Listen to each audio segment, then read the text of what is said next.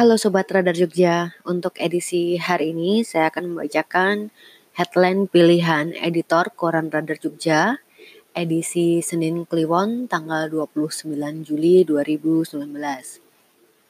Untuk edisi hari ini, editor memilih headline berjudul Lelang Jabatan Berujung di Polisi. Peserta seleksi menuding pansel lakukan manipulasi data. Proses pengisian jabatan pimpinan tinggi Pratama di lingkungan Pemkap Gunung Kidul dalam dua tahun terakhir menyisakan persoalan serius.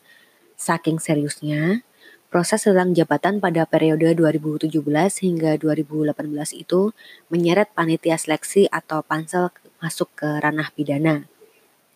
Itu setelah Aris Suryanto, seorang peserta seleksi melaporkan pansel ke Polres Gunung Kidul dalam laporan polisi nomor LP garis miring 19 garis miring 2 garis miring 2019 tanggal 7 Februari 2019, Sekretaris Dinas Lingkungan Hidup Gunung Kidul itu menuding Pansel telah melanggar pasal 421 KUHP.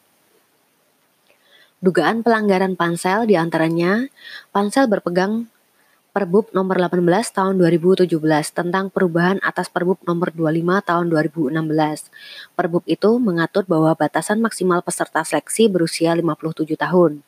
Berbekal regulasi ini, Pansel meloloskan peserta seleksi yang berusia 57 tahun sebagai kepala dinas.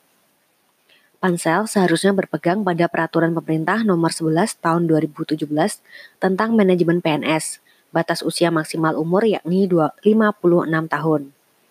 Sementara itu, kisruh pengisian jabatan pimpinan tinggi Pratama turut menyita perhatian DPRD Gunung Kidul.